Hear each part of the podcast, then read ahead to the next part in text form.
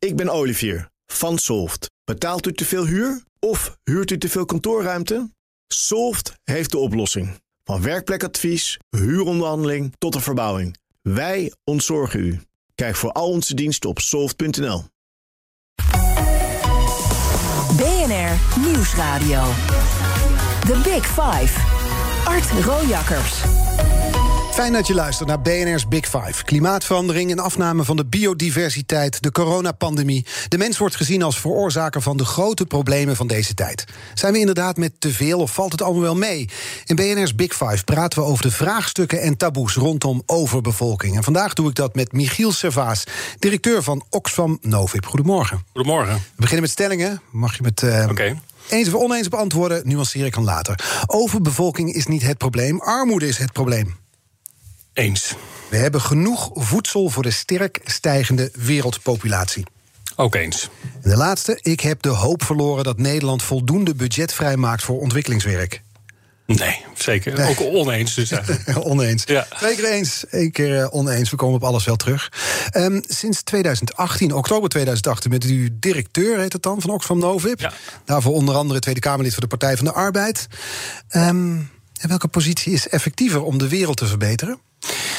Oh, dat is altijd heel lastig. Ik ben daarvoor ook nog diplomaat geweest. En dat heb ik ooit gekozen omdat ik dacht dat ik vanuit die rol zeg maar, eh, iets voor de wereld kon doen. Dus uh, weliswaar drie beroepen, zeg maar, maar altijd dezelfde drive uh, gehad.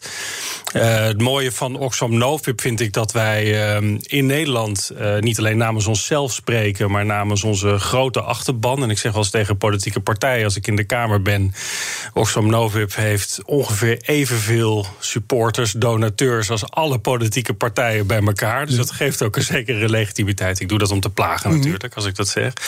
En wat ik mooi vind aan uh, Oxfam Novib en dan het Oxfam-deel... is dat we onderdeel zijn van een wereldwijde beweging. En juist omdat natuurlijk de grote uitdagingen van deze tijd... ongelijkheid, uh, klimaatverandering, echt mondiale problemen zijn...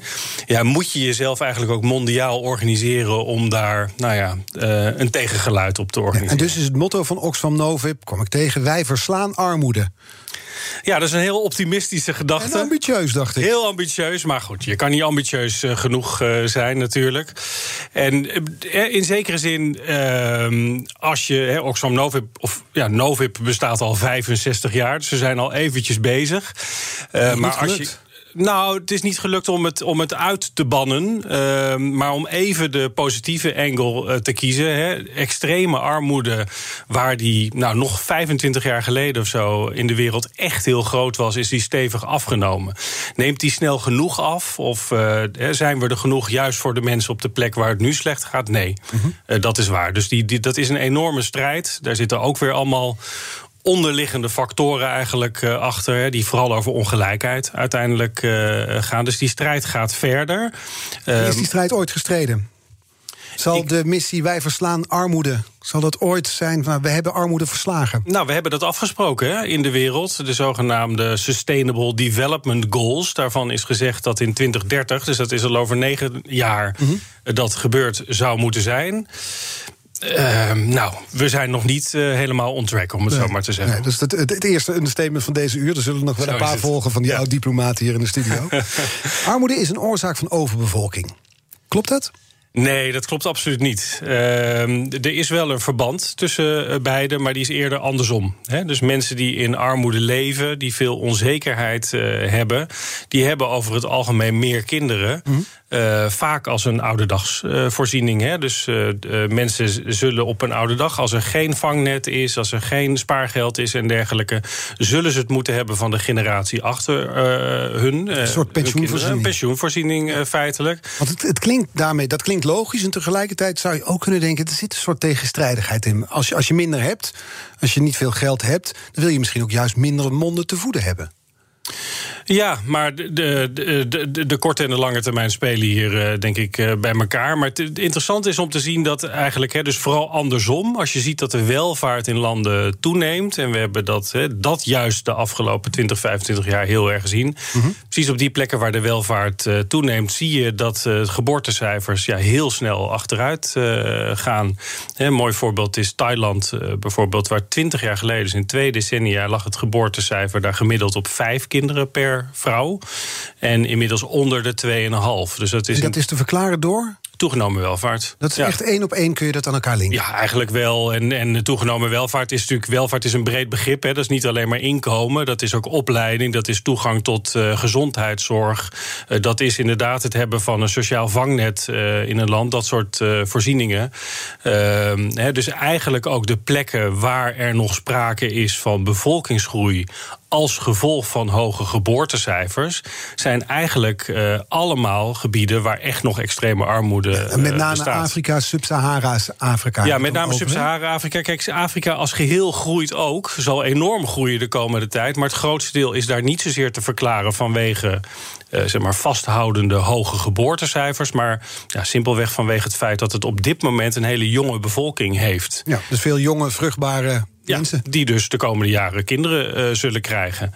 En, uh, en, en de, er, zijn, er is een beroemd boek van Hans Rosling... Mm -hmm. die, die, die onder andere zeg maar, deze cijfers heeft geanalyseerd. Die dus ook, soms vind ik een overoptimistisch beeld... maar nou, op zich een prettig optimistisch, optimistisch perspectief. Boek, inderdaad. Zeker. dus het, dat zet sommige dingen ook in perspectief. En dat geeft ook aan dus dat ontwikkelingssamenwerking helpt... om, dat, om dat te geven. maar die legt vrij goed uit en vrij simpel uit ook dat de bevolkingsgroei zoals we die gehad hebben de afgelopen 50 jaar zeg maar, in de wereld, waarbij je verdubbeling zag elke paar jaar, die zijn we nu langzaam voorbij. Hè, juist omdat op de meeste plekken in de wereld, dus de gezinsgrootte, nou ja, zo rond de 2, 2,5 mm -hmm. uh, zeg maar, uh, ligt. Maar die legt ook uit van ja, juist omdat op in een aantal delen van de wereld de bevolking heel erg jong is, hè, soms 60% onder de 30, dat soort, uh, dat soort cijfers, dat het nog even zal doorgroeien. Ja. En op, daar, op basis daarvan, niet alleen hij, hè, dat zijn ook cijfers die de VN en, uh, en, en, dat soort organisaties uh, gebruiken, wordt dus uitgegaan, nou, we groeien nog door tot ongeveer 10, 11 miljard, maar dan ja. vlakt het ook af. En dat is eind deze eeuw. Het wonderlijke is altijd dat als je het dan over bevolkingsgroei hebt, dat wordt gezegd van ja, maar het gaat uiteindelijk afvlakken. Dat, dat doet u nu ook.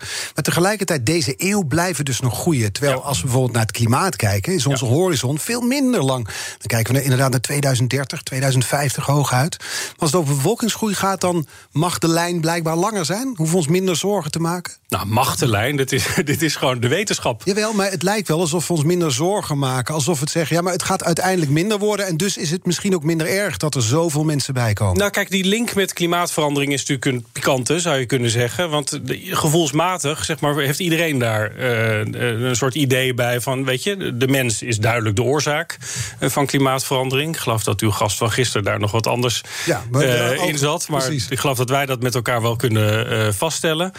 Uh, dus ik snap het uh, gevoel van ongemak als je denkt... nou, er komen nog zoveel mensen bij. Wat heeft dat wel niet voor een impact op, uh, op onze planeet? We zijn al over de grenzen heen. Maar je moet dan twee dingen, vind, vind ik, daarbij bedenken. Ten eerste, die bevolkingsgroei die nog een tijd door zal gaan... is in, ja, tot op hoge mate een feit. Dat is zoals het is. De, ik hoor ook niemand die zegt... we moeten overbevolking agenderen... echt met substantiële oplossingen uh, komen. Of ze worden heel naar en eng. Uh, dus dat is één. En ten tweede, ja, de klimaatverandering is echt door ons veroorzaakt. En dat kunnen we niet op Afrika en zeker niet op toekomstige generaties van Afrika uh, projecteren. Hè. Nu is het zo dat 10% van de wereldbevolking, en die wonen allemaal in het noorden en het westen, verantwoordelijk is voor ruim de helft van de CO2-uitstoot. Dus als je dat probleem serieus neemt, en ik hoop dat we dat serieus nemen, ja, dan moeten we daar echt zelf iets aan doen. Ja, we, we hadden het over armoede en dat dat dus uh, tot meer, gezinnen per, meer kinderen per gezin leidt. Dat bespraken we. Uh, tegelijkertijd zien we een coronapandemie die hier nu voorbij lijkt te gaan. Op dit moment. Eerste prik al binnen? Ja, eentje. Ik ook. Ja, ook zo'n stijve arm gehad? Viel mee. Oh, nou, ik had hem wel af. maar goed, hij lijkt hier voorbij te gaan. Terwijl die wereldwijd is de coronapandemie natuurlijk nog gaande... en treft mensen in arme landen juist onevenredig hard. Als je dan kijkt naar armoedebestrijding. Hoe minder arm, hoe minder kinderen hadden we het net over. Ja. Wat doet corona? Nou, daar maken we ons heel grote zorgen om. Uh, eigenlijk is uh, vorig jaar, 2020, het eerste jaar in decennia geweest dat extreme armoede op de wereld weer is toegenomen. En dat is natuurlijk geen toeval. He, sowieso staat het al langer de afname van extreme armoede onder druk. Uh, door de toenemende ongelijkheid in de wereld. Daar komen we misschien straks nog op. Maar de impact inderdaad van corona op samenlevingen in Afrika en Azië en in Latijns-Amerika is vele malen groter groter dan hier. Schets die is? Nou, het heeft vooral met het vangnet te maken. Dus wij hebben de luxe, en gelukkig hadden we die luxe... dat hoewel die lockdown natuurlijk vervelend was... impact had, uh, nou, ook gewoon op je persoonlijke mhm. leven... zeg maar, uh, gewoon echt, echt heel uh, zwaar soms kan zijn. En wij natuurlijk de luxe dat, ehm, ja, dat we een overheid hebben... die in kan springen, die bedrijven kan helpen... hebben we een sociaal zekerheidsstelsel. En als dat er niet is, zoals in de landen die u beschrijft? Als dat er niet is, als jij een dagloner bent in India of in Senegal en jij kan niet naar de markt toe om je spullen te verkopen, dan kun je die avond niet eten. Zo simpel is het. Dus Ik heb wel eens gelezen dat er wordt gezegd: door corona zijn we als het om armoedebestrijding gaat, tien jaar teruggeworpen in de tijd. Ja, de strijd tegen armoede, dat, zijn, dat is de voorlopige analyse. We moeten hier wel voorzichtig mee zijn, zeg ik dan toch maar weer met alle nuances. Want de diplomaat staat erop, het is, ja? uh, Nou, maar ook de wetenschappers, okay, zou ik maar zeggen. Ja, want het, is, het is nog vroeg, hè? Het, is, het, is, het is moeilijk om harde conclusies te trekken. Maar de maar het geeft wel eerste analyses van de Wereldbank en dergelijke... die zeggen inderdaad, de strijd tegen armoede is tien jaar teruggeplaatst. Het zal tien jaar duren voordat we weer op het punt zijn... waar we hadden moeten zijn. Ja. En dan denk ik, sinds 2018 directeur van Oxfam Novib wordt dan ook licht van hoper achter zijn bureau gezeten? Nou, ik word gedreven elke dag door een gevoel van urgentie. En, en, het is nu alleen maar eh, meer urgent geworden. Ja, het is alleen maar meer urgent geworden. Uh, kijk, je moet daar, vind ik, uh, positief in, in blijven. En, en Oxfam Novib heeft altijd als organisatie het uitgangspunt gehad dat wij er niet zijn om andere mensen te helpen. Uh, maar dat mensen zichzelf kunnen mhm. helpen. Dat mensen zelf de kracht in hebben om hun leven te veranderen. En zich te organiseren om hun eigen samenlevingen te veranderen. Ja, dus ik ga heel erg uit van een positief mensbeeld. Ja, en zie dat ook. Maar dan komen die cijfers dat we tien jaar terug in de tijd zijn. Nou, dat is vreselijk. Ja, dat is vreselijk. En ik vind ook echt dat de wereld ja, rampzalig slecht gereageerd heeft op deze pandemie.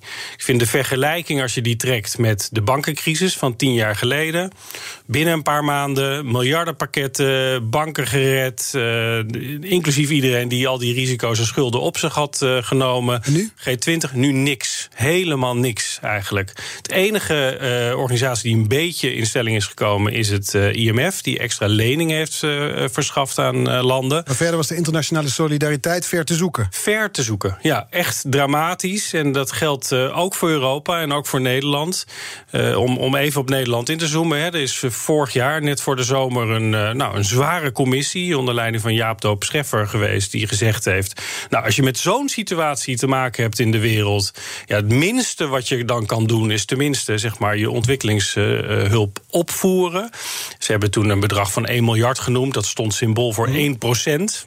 1 procent maar voor alles wat we voor onszelf uh, deden, om het hier overeind uh, te houden, is niet overgenomen. En ik vind dat pijnlijk. Deze week vijf gasten met een interessante visie op overbevolking. Want daar hebben we het over deze week. Vandaag met Michiel Servaas, directeur van Oxfam Novib. Ja, op jullie site zijn vijf actiepunten te vinden... die moeten gebeuren om alle monden op deze aarde te kunnen blijven voeden. En we noemden dat getal al eind deze eeuw mogelijk 11 miljard mensen. Het is een beetje flauw, maar kent u die vijf punten uit uw hoofd? Uh, ja, maar ik, ga, ik, kan ze niet zo reproduceren. het is vreselijk. Zal ik u helpen? Stabiliseer de uitstoot van de agricultuur. Meer produceren op al beschikbaar land. Bronnen efficiënter gebruiken. Aanpassing in dieet. En afval reduceren. Ja. Wat is de belangrijkste? Nou, ze staan allemaal natuurlijk voor een gedragsverandering. Hè. Dus ik zei al, het aantal mensen is voor een deel een gegeven. Uh, dat dat, dat uh, zich op deze manier uh, zal ontwikkelen. Als wij iets aan de leefbaarheid van onze planeet willen doen... en de voedselvoorziening, dan zit het echt in gedrag en ja, in Dan zit het dus in die uitstoot, zit het in ja. efficiënter gebruiken van bronnen... meer ja. produceren. Aanpassing in dieet betekent minder zuivel, denk ik, minder vlees. Ja, absoluut. Ja. Um, nou, als we eens naar het voedsel kijken. Want maandag was hier Wim de Vries te gast, hoogleraar aan de Universiteit uh, Wageningen. Hij weet alles van duurzame voedselsystemen en hoe we alle monden moeten voeden. En hij maakte duidelijk eh, dat er niet te weinig voedsel is, maar dat er te weinig verbouwd kan worden in bijvoorbeeld Afrika door een gebrek aan kunstmest. Ja, weet ik niet of dat zo is. Kijk, ten eerste is er niet te weinig voedsel op de wereld. Hè? Ehm, dus met al het voedsel dat we nu produceren met z'n allen... zouden we in principe makkelijk iedereen kunnen uh, voeden. Het is een verdelingsvraagstuk. Het is een verdelingsvraagstuk Wij hebben veel te, beginnen. Veel. We hebben te, te, veel, we gooien te veel weg. Hè? Een derde van ons voedsel uh, verdwijnt uh, in, in, in de vuilnisbak. Daar komt, komt het op neer. Hè? Een derde, moet je een derde, ja. ja. En dat komt gewoon doordat wij... Ja, het gaat over de houdbaarheidsdatum heen en dan knikken we het weg. Is het ja, zo? dat we dat slecht organiseren. Ja, absoluut. Ehm, maar zelfs uh, uh, als je kijkt bijvoorbeeld waar er voedselproblemen zijn, voedseltekorten zijn of in het ergste geval hongersnoden zijn, heeft dat eigenlijk nooit of zelden te maken met de beschikbaarheid van voedsel, maar toch vaak ofwel met een conflict wat er speelt, is echt man-made. Het meest pijnlijke voorbeeld van deze tijd vind ik Jemen. Uh, waar het voedsel letterlijk zeg maar, voor de haven ligt. Maar al vijf jaar lang vanwege burgeroorlog, vanwege politieke spelletjes over de hoofden van uh, mensen heen. Meer dan de helft van de bevolking van dat land. En dan heb je het over zo'n 20 miljoen uh, mensen gewoon in acute hongersnood zit. Dat is dus puur het gevolg van politiek. En, Eigenlijk is honger een oorlogswapen. Absoluut, ja. Zo is het ook vorig jaar, mede op initiatief trouwens van Nederland, erkend door de Verenigde Naties. Dus die hebben een, voor het eerst een resolutie aangenomen waarbij honger als oorlogswapen zeg maar, erkend wordt. En dus ook erkend wordt dat je, dat, dat nou ja, strafbaar is of in strijd met het, met het internationaal uh, uh, recht. En dat gebeurt puur strategisch. Voedseltransporten worden tegengehouden om mensen te verzwakken. Om de bevolking uit te hongeren. Ja, absoluut. Ja, ja. En zo zie je dat op, op, op, op meer gebieden in, uh, in, in, in de wereld. Hè. De meest, meeste historische voedseltekorten of hongersnoden zijn, het ook, zijn ook natuurlijk het gevolg. Hè. De, in China van uh, dramatische beleid van, van, van Mao destijds of in Noord-Korea vandaag. is natuurlijk allemaal het gevolg van menselijk falen, van moedwillig of nou ja, bizar ideologisch gedreven beleid. Wat je natuurlijk wel ziet, is dat klimaatverandering in delen van Afrika met name nu al grote gevolgen heeft voor de voedselproductie. Op wat voor manier? Nou, dat, dat uh, de bevolkingsgroepen die uh, nou, uh, decennia of eeuwenlang gewend zijn om bepaalde gewassen te telen op hun landen vanwege droogte of juist overstromingen, daarmee nu in de problemen komen. Mhm. Dus daar, daarmee kunnen dan op korte termijn plotseling voedseltekorten ontstaan.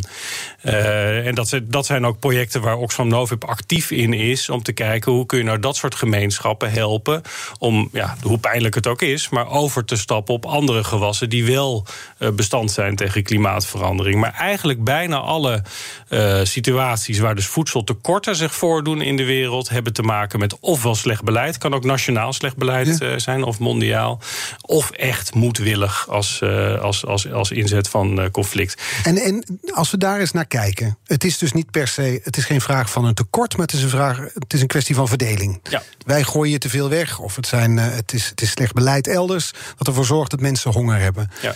Hoe, hoe kan een organisatie als Oxfam dat verbeteren in de komende vijf jaar? Ja, kunnen wij natuurlijk niet alleen. En eigenlijk ook in, in, alles wat wij doen, werken we ook niet alleen. Uh, ja, met een beetje, beetje ingewikkeld term, zeg maar, kijken wij vooral naar de, de, de systemen die erachter zitten. Dus hoe, nou, die hebben nu in kaart hoe, hoe, kan het nou? Ja, nou, klimaat is daar één uh, van. Maar als we kijken naar bijvoorbeeld hoe dus wij hier bijvoorbeeld te veel voedsel hebben dat we weggooien en op andere plekken te weinig voedsel is. Hoe, hoe is dat op te lossen? Nou, ik bedoel, wij kunnen iets doen aan het uh, dat we te veel uh, weggooien. Het is niet dat dat dan direct de volgende dag natuurlijk er, nee, ergens anders beschikbaar is. Kijk, in, in armere landen en in, uh, bij mensen die gewoon simpelweg te weinig inkomen hebben, bijvoorbeeld om voedsel te kopen, heeft het heel vaak te maken met de economische systemen waarin zij werken. Wij gaan volgende week, ik kan daar nog niet al te veel over zeggen, bijvoorbeeld weer een campagne starten die, de, die de, eigenlijk inzoomt in hoe Nederland Nederlandse supermarkten verantwoordelijk zouden moeten dragen voor de waardeketens waarin zij werken. Waardeketens? Nou ja, dus wat verdient uiteindelijk een boer in Afrika aan de mango die hier in de supermarkt uh, ligt? Te weinig, nou, antwoord bijna niks. Ja, ja. ja, dus er zit in heel veel van dat soort waardeketens, hoe voedsel geproduceerd wordt, wie eraan verdient, uh, wie bepaalt welke, welke oogsten er gedaan worden, zit, ja, is de positie van degene helemaal aan het begin van die keten. Is wel uiterst zwak. Is uiterst zwak. En, en dus, toch even terug naar die vraag die ik had over: oké, we hebben hier te veel voedsel, daar te weinig. Even, wat hier en daar dan precies is, laten we maar in het midden. Ja. Hoe is dat op te lossen? Wat, wat zou er binnen nu en vijf jaar moeten gebeuren? Nou, de, de positie, volgens mij is dat wel het belangrijkste. De positie van uh, mensen aan het begin van die productieketen moet stevig verbeterd Ja, dat is worden. één punt. Maar dan hebben we hier nog steeds te veel voedsel. Ja, maar goed, kijk, dat wij te veel voedsel hebben is, is meer ons probleem, zou ik maar zeggen. En heeft natuurlijk ook een, ook een klimaatelement. Uh, uh, al het voedsel dat we weggooien waar wel CO2 voor geproduceerd Precies. is, is natuurlijk doodzonde. Ja. Dus ik zie daar niet direct een één op één verband tussen dat we zeg maar, ons tekort hier moeten gaan verschepen. Dus richt u zich voorlopig, het begint dan volgende week op supermarkten. Hoe moeten zij dan gaan opereren om dat doel te bereiken? Nou, verantwoordelijkheid nemen. Uh, en ook goed onderzoek. Dat in dit geval? Nou, ik denk dat er wel een omslag gaande is trouwens hoor. Dus supermarkten zijn zich daar steeds bewuster van. Wij zijn sinds een paar jaar uh, zeg maar in goed gesprek uh, met hen. Uh, zowel publiek als, als, als binnen, binnenkamers. En het mooie vind ik. Zouden ze meer moeten betalen? Voor bijvoorbeeld die mango? Absoluut, ja, absoluut. Uh, of in ieder geval met hun toeleveranciers afspraken maken. Hè, want ze hebben zich heel lang verscholen achter het feit dat zij het inkopen bij grote uh, handelaren, zeg maar. En uh, ja, verder niet kunnen kijken. En gelukkig is, dat, is daar wel een omslag. Hè. Inmiddels, niet alleen supermarkten, maar gewoon alle grote bedrijven begrijpen best dat jouw invloed veel verder gaat dan het eerste stapje van jou vandaan in, in, in, Want eigenlijk in is het zo dat die goedkope gesneden stukjes mango, die ik lekker vind op ochtends bij mijn muesli ja. te doen. Die zorgt er, doordat ze zo goedkoop zijn, eigenlijk toe dat iemand anders op een andere plek ter wereld te weinig te eten heeft. Nou, niet dat jij het eet, maar wel dat wij dus eigenlijk ook als consumenten of als burgers te weinig vragen van ons uh, bedrijfsleven. Ja. Dus het is heel Het erg. is volgens mij standaard praktijk bij supermarkten. Zij knijpen hun leveranciers uit voor de beste prijzen. Want anders dan ga ik naar de concurrent toe. Dus dat gedrag is lastig te veranderen, kan ik me voorstellen. Nou, je moet die macht niet onderschatten. Dus ik vind in Nederland hebben we vaak de neiging om te zeggen... wij zijn een heel klein land en onze invloed op die grote mondiale systemen... is niet zo vreselijk groot. Maar het tegendeel is waar. Onze supermarkten zijn enorm. Het Ahold-concern zijn van de grootste concerns ter wereld. Als die hun beleid verandert, heeft dat impact in de, in de sector. Financiële instellingen in Nederland zijn, en pensioenfondsen in het bijzonder... Ja, hebben gigantische worden. We gaan, er zo, uh, we gaan er zo over verder praten met Michiel Servaas, directeur van Oxfam Novib. Tot zo. BNR Nieuwsradio. The Big Five. Art Rojakkers. Welkom bij het tweede half uur van BNR's Big Five. Deze week vijf kopstukken uit de wereld van ja, de overbevolking... voor zover daar een wereld van bestaat. Is maar één wereld natuurlijk. De gast is Michiel Servaas, directeur van Oxfam Novib. We gaan het zo weer hebben over bevolkingsgroei. Je kan overbevolking zeggen, bevolkingsgroei. Daar is ook al debat over. Zeker. En maar eerst even de actualiteit rondom uh, uw organisatie. Want er is weer een misbruiksschandaal naar buiten gekomen. In 2011 Haiti. Medewerkers van Oxfam Novib hadden zich daar seksueel misdragen. Toen, uh, en nu komen de berichten naar buiten uit de Democratische Republiek Congo. Recente berichten. Het lijkt ja. me pijnlijk als je dan ook weer nieuw bij zo'n organisatie zit. Dit is ook weer van voor uw tijd volgens mij. Maar dan wordt er wel weer op aangesproken, ook nu hier weer. Ja, en terecht uh, vind ik. En ik vind ook dat het eigenlijk het heel belangrijk dat we daar heel open over praten. Uh, het is heel pijnlijk in, in iedere uh, werkomgeving. Uh, als er sprake is van seksueel misbruik, seksueel intimidatie of, of andere vormen van, van, van wangedrag. maar ik vind het heel belangrijk dat je juist als internationale organisatie, als hulporganisatie, onder ogen ziet welke risico's er zijn op dit, op dit gedrag. Ja. En die risico's die zijn dus herhaaldelijk, want het heeft ook gevolgen. Voordat we over die risico's hebben, want na een verbod van drie jaar mocht Oxfam sinds een paar weken weer subsidie aanvragen bij de Britse overheid. Mocht een aantal jaren niet, na die uh, schandalen in, uh, in Haiti. Pauzeknop was ingedrukt. Is nu weer gebeurd. Is dat een logische reactie? Nee, is geen logische reactie. Een hele slechte reactie van de Britse uh, regering. Hè, want juist na die nou, hele pijnlijke affaire rondom Haiti 2011... Uh, heeft de Britse overheid, het ging om de Britse Oxfam, dat is een beetje een technisch verhaal, maar, maar vooruit. De, daarom heeft de Britse overheid destijds uh, die, die maatregelen getroffen. Maar daarbij ook gezegd, we moeten hierover praten. En organisaties die dit soort gedrag tegenkomen, moeten optreden, moeten daar transparant over zijn. Nu zijn mijn Britse collega's daar transparant over. Die laten zien, hé, hey, hier is iets goed misgegaan. En krijgen ze de deksel op hun neus. En krijgen ze de deksel op zijn neus. En dat is dus precies het verkeerde signaal. Want dat, bedoel, wij zijn echt wel committed als Oxfam Om vast te houden aan die ja, lijn van extreme transparantie, zou ik maar zeggen. Mhm. Met alle kwetsbaarheid die dat uh, in zich heeft. Maar je moet je voorstellen wat dit voor signaal afgeeft aan andere organisaties. Die zullen misschien wel eens even nadenken of zij ook zo publiekelijk willen rapporteren over dingen die er eh, misgaan. Met het risico dat ze meteen afgesneden worden van subsidies. Dus volgens mij is het, is het heel slecht. Uh, Juist contraproductief eigenlijk. Contraproductief, ja, absoluut. Heeft het in Nederland gevolgen? Nee, heeft geen gevolgen. Wij hebben eigenlijk al sinds toen, hè, sinds 2018, uh, eh, nou, hele open lijn. Zowel met uh, ons ministerie van Buitenlandse Zaken en trouwens ook met de Tweede Kamer, met de uh, politiek. En ik denk dat ze daar dat beter begrijpen. Dus er is, hè, bedoel, er is geen misverstand daarover. Geen enkele tolerantie voor dit type misgedrag en, of, of wangedrag. En de mensen in Congo die ze daar schuldig aan hebben gemaakt, die zijn ook, hè, dat was het bericht van gisteren eigenlijk, nou ja, op voet ontslagen nadat er onderzoek uh, is gedaan. Hè. Als dat niet zou zijn, zou ik het terecht vinden dat daar, dat daar uh, zeg maar tegen opgetreden uh, wordt. Maar gelukkig ja, is in Nederland misschien ook, denk ik, dat, dat is een beetje gemeen misschien dat ik dat zeg, maar dat in de Tweede Kamer zelf snappen ze heel goed. Dat het dus mis kan gaan. Ja, dat het mis kan gaan en dat, dat, dat je daar open over moet praten en dat je daar tegenop moet treden. En ja, helaas hebben wij ook in andere delen van onze samenleving, inclusief in de politiek, politiek daar nog wel een uh, slag te maken, denk ik. Het is natuurlijk een probleem als je zo'n grote organisatie bent... dat er dan op plekken machtsmisbruik kan ontstaan. En als je dus zo groot bent dat overal de titel Oxfam boven hangt... dan wordt zelfs de directeur in Nederland aangesproken... op iets wat er in Congo gebeurt. Ja, maar dat vind ik terecht. Ik ben ook uiteindelijk verantwoordelijk voor die hele organisatie. Ik maak als een van de directeuren van een van de Oxfams... Eh, de, de ene grootste trouwens, hè, Oxfam Novib is, eh, is een van de grootste mhm. Oxfams in de wereld... Uh, deel uit van het bestuur daarvan. Dus ik draag daar volledig verantwoordelijkheid over.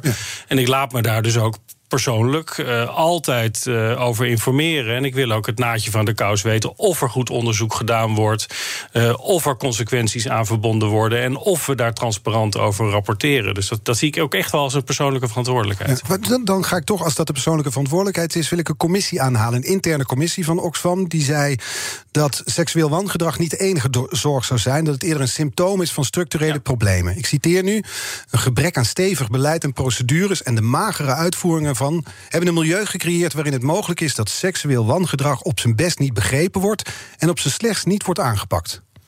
Ja, ik denk ook dat die situatie. deze commissie is ingesteld na die Haiti-situatie. Uh, er is veel gebeurd toen. Er is heel veel gebeurd. En, en, gekeerd en dit was een conclusie. Ja, we hebben onszelf binnenstebuiten gekeerd. En, he, dus we hebben een commissie eigenlijk van de meest kritische, grootste experts op dit gebied. En dan gaat het dus niet alleen om het wangedrag, maar ook de onderliggende cultuur binnengehaald. En een soort ja, uh, access all areas pas gegeven. om iedereen te spreken. en conclusie uit. Ja, nou, die moeten we voor ons rekening nemen. En die, ook die trek ik me persoonlijk eh, heel erg eh, aan.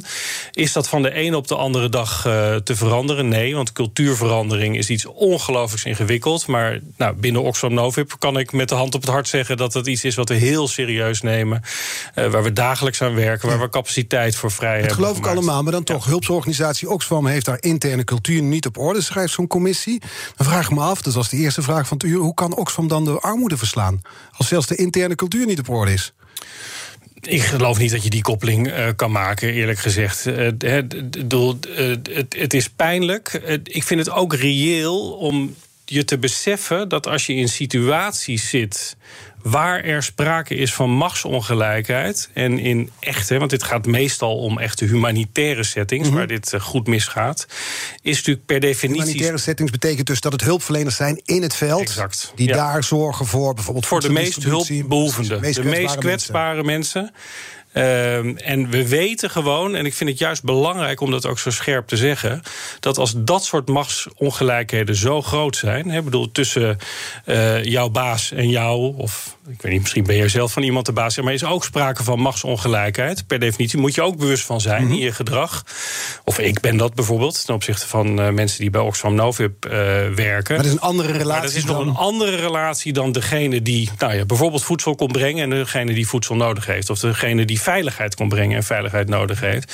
En het is heel erg pijnlijk dat het daar misgaat. Maar het begint met je te beseffen dat het daar mis kan gaan. En dat je daar dus heel scherp op moet letten. Dat je goede moet hebben. Uh, dat je goed onderzoek moet doen, uh, et cetera. Betekent dat dat we, omdat het fout gaat, dat we onze missie moeten loslaten? Nee, dat geloof ik niet. Uh, de, de, ik vrees dat er gebieden zijn staan. in de wereld. De missie blijft absoluut staan. Ja. ja. helder. Gisteren was hier te gast Paul Gerbrands van de club van 10 miljoen. En hij pleit dus voor nou ja, drastische maatregelen om te zorgen dat die bevolkingsgroei gestopt wordt.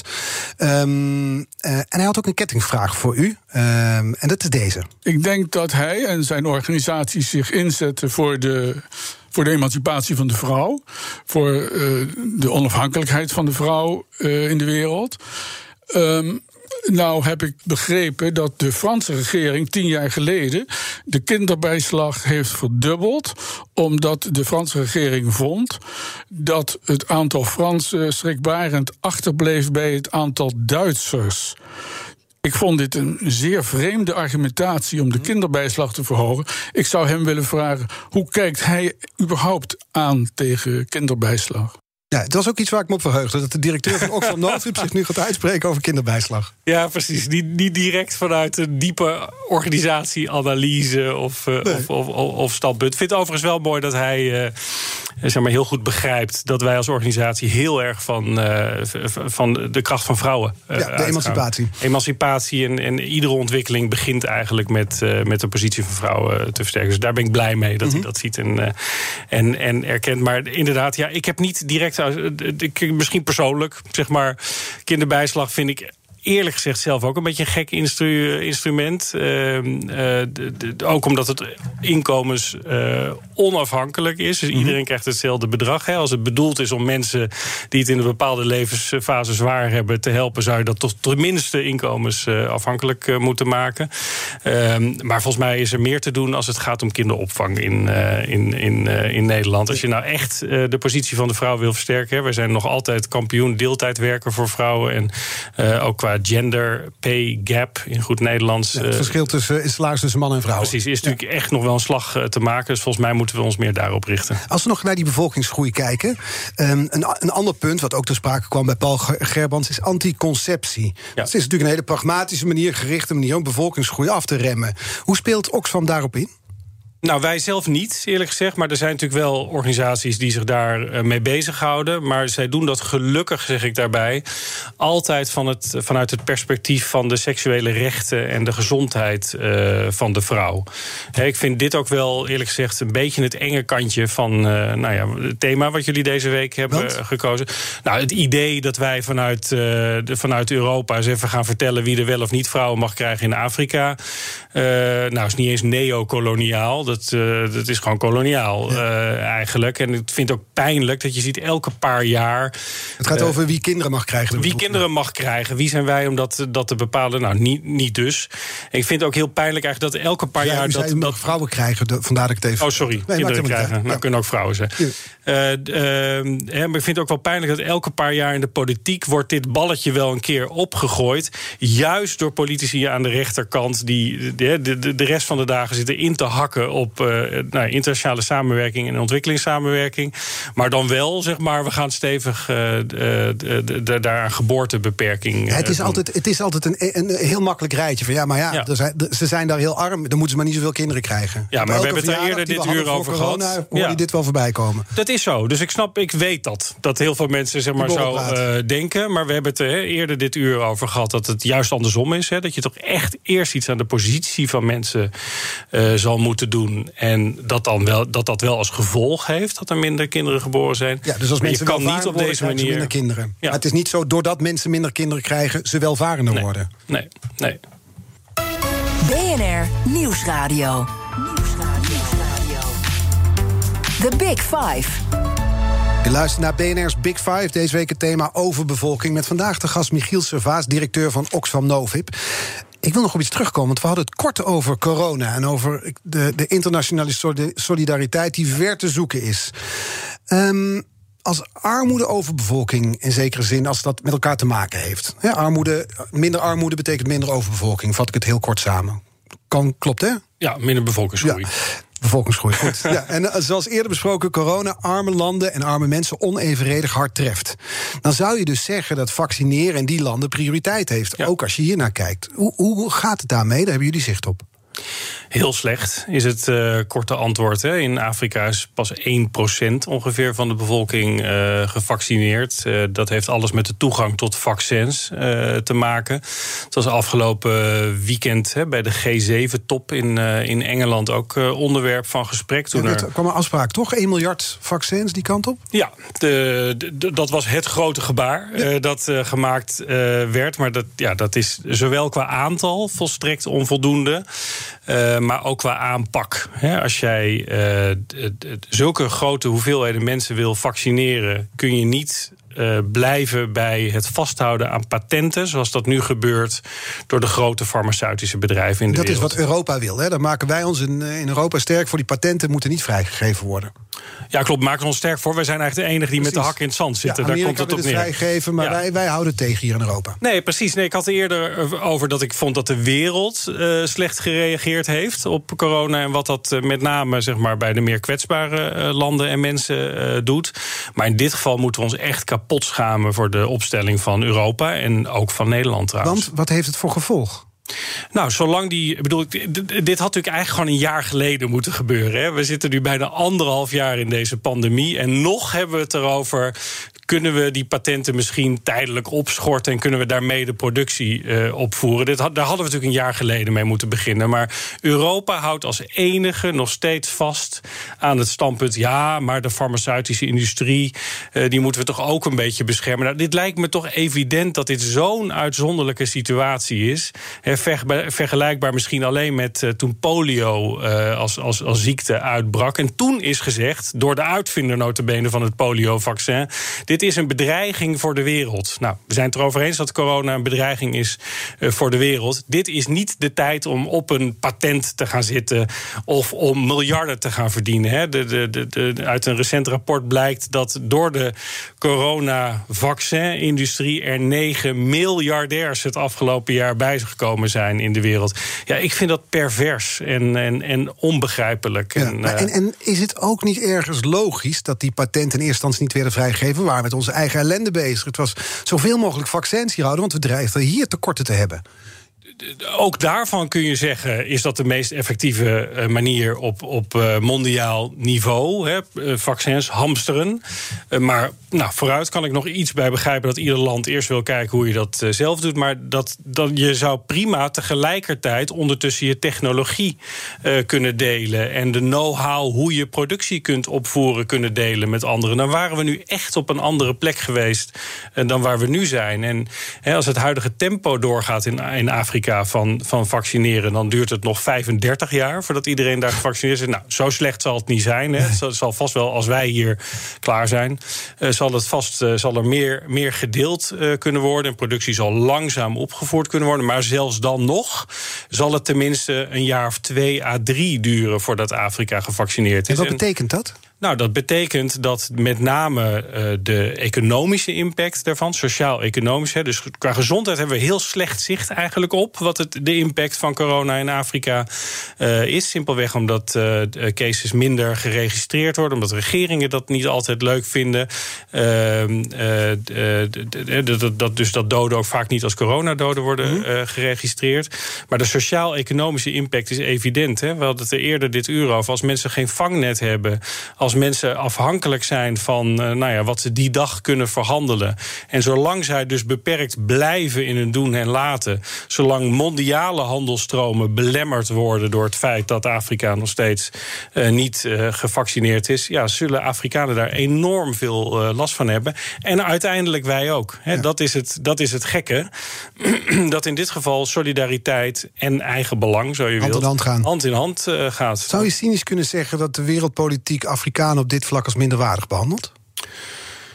Nou, in ieder geval zijn we heel erg met onszelf uh, bezig en kortzichtig uh, bezig. En ik vind met name het, beschermen van de belangen van een paar farmaceutische bedrijven echt onverdedigbaar. Hè. De farmaceuten zetten daar vaak tegenover. Ja, maar wij investeren zoveel in nieuwe vaccins. Is pertinent niet waar. Het, uh, het, het, het, Pfizer-vaccin, wat in Oxford is ontwikkeld, is met 97% van alle middelen gefinancierd vanuit publieke op de universiteit ontwikkeld.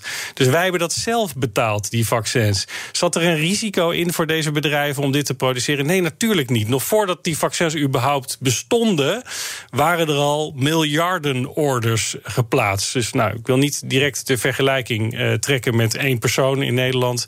Ik hoor rechts de naam Siewert van Lienen erboven komen. Zou zomaar kunnen, zeg maar. Maar een beetje dat op klein niveau. Hè. Nauwelijks risico genomen, geen eigen geld mhm. ingestoken, uh, maar wel flink opstrijken. Dat kun je eigenlijk vertalen op mondiaal niveau op de farmaceutische industrie.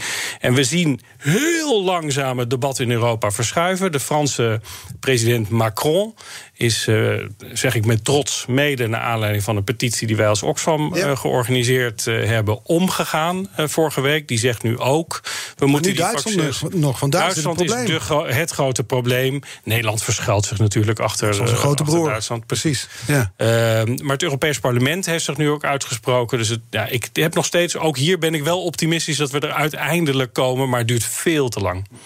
Um, die kettingvraag mag u weer gaan stellen aan mijn gast morgen. Dat is Ingrid. Ingrid Robijn. Ze is hoogleraar ethiek en van instituties aan de Universiteit van Utrecht. Wat zou u haar willen vragen? Ja, ik, ik begreep dat zij ook uh, hoogleraar als het gaat om vrouwenemancipatie uh, is. En ik zou toch ook uh, de vraag aan haar op dat terrein willen stellen. Hè. Nederland staat zich erop voor dat wij in ons buitenlandbeleid, in onze ontwikkelingssamenwerking, die positie van de vrouw heel centraal stellen. Een paar jaar geleden ook met het She Decides initiatief, ons heel hard voor het zelfbeschikkingsrecht van vrouwen hebben gemaakt. Maar ik zou van haar graag willen horen waar zij denkt dat het nog beter kan. Waar een volgende uh, regering of een minister van ontwikkelingssamenwerking echt nog een schepje erbovenop kon doen om die positie van vrouwen heel erg centraal te stellen. Ik ga daar morgen vragen. Nog, nog één vraag over corona. Want in die, we lijken het nu allemaal weer te vergeten. Maar ook in die eerste golf las je best wel eens her en der verhalen van ja, dit is het gevolg van overbevolking. Dat in de natuur wordt eh, de balans hersteld. Als je met te veel bent, dan ontstaat er iets waardoor er, nou, nou eenmaal in dit geval, minder mensen zullen komen. Het was een wat filosofisch denkexperiment, maar je zag het her en der in kranten verschijnen. Heeft u dat ook gelezen? Nou, ik heb van alles gelezen. Tot, van Lappai-experimenten tot, ja, uh, tot andere ja. complottheorieën. Maar ik, ik, virologen, ik kan me een Ja, nee, maar goed, ik geloof hè, de, de, de, de verklaring waar we nou, nu het meest van uit kunnen gaan, hè, is toch vooral dat het te maken heeft met hoe in China, uh, maar in Nederland net zo goed trouwens, de verhouding is tussen mensen en dieren en hoe we met elkaar. Ja, hoe, wij, hoe meer ruimte wij als mensen innemen, hoe minder ruimte voor natuur en hoe makkelijker die virussen. Ja, maar toch vooral hoe we met dieren omgaan. Ik geloof toch dat daar. Hè, ik kom zelf uit Brabant, volgens mij mm -hmm. jij ook. Nou, we kennen allemaal de voorbeelden uh, hoe daar met varkens, met geiten, met kippen en dergelijke wordt omgegaan. Dat soort situaties leidt tot problemen. Dus ik vind, vind wel dat we zeg maar, ons goed moeten afvragen: wat is de dieperliggende oorzaak dat zo'n virus kan ontstaan? En we weten eigenlijk zeker dat er weer nieuwe virussen die van dier op mens over kunnen springen zullen komen. Dus ik vind dat de diepere filosofische ja. Vraag die we ons moeten stellen. Hoe kunnen we echt een andere, uh, op een andere manier samenleven ja. met, tussen mensen en dieren? Het wordt een thema waar Oxfam zich ook bezig mee gaat houden de komende jaren. Wie weet. Uh, je moet ook wel keuzes maken, zeg ik er tegelijkertijd bij. We kunnen zeker niet nee. alles oplossen. Je moet verbanden zien, dat is belangrijk. Ja. Uh, maar daar denk ik nog even over na. Okay. Dank voor de komst vandaag. Michiel Servaas, directeur Oxfam Novib. Nog even voor de luisteraar, de aflevering van BNR's Big Fives. En natuurlijk terug te luisteren. Onze podcast is te vinden in de BNR-app. En ook op bnr.nl. En nu dus op deze zender Ivan Verrips met BNR Breekt. Tot... De mensen van Aquacel houden van zacht. En dat merk je aan alles. Dankzij hen hebben we nu echt zacht water en een kalkvrij huis. Voor hun klanten zijn ze zacht. Dat zijn ze trouwens ook voor elkaar. Voor ons zijn zij de kracht van zacht. Aquacel. 100% zacht water, 100% kalkvrij.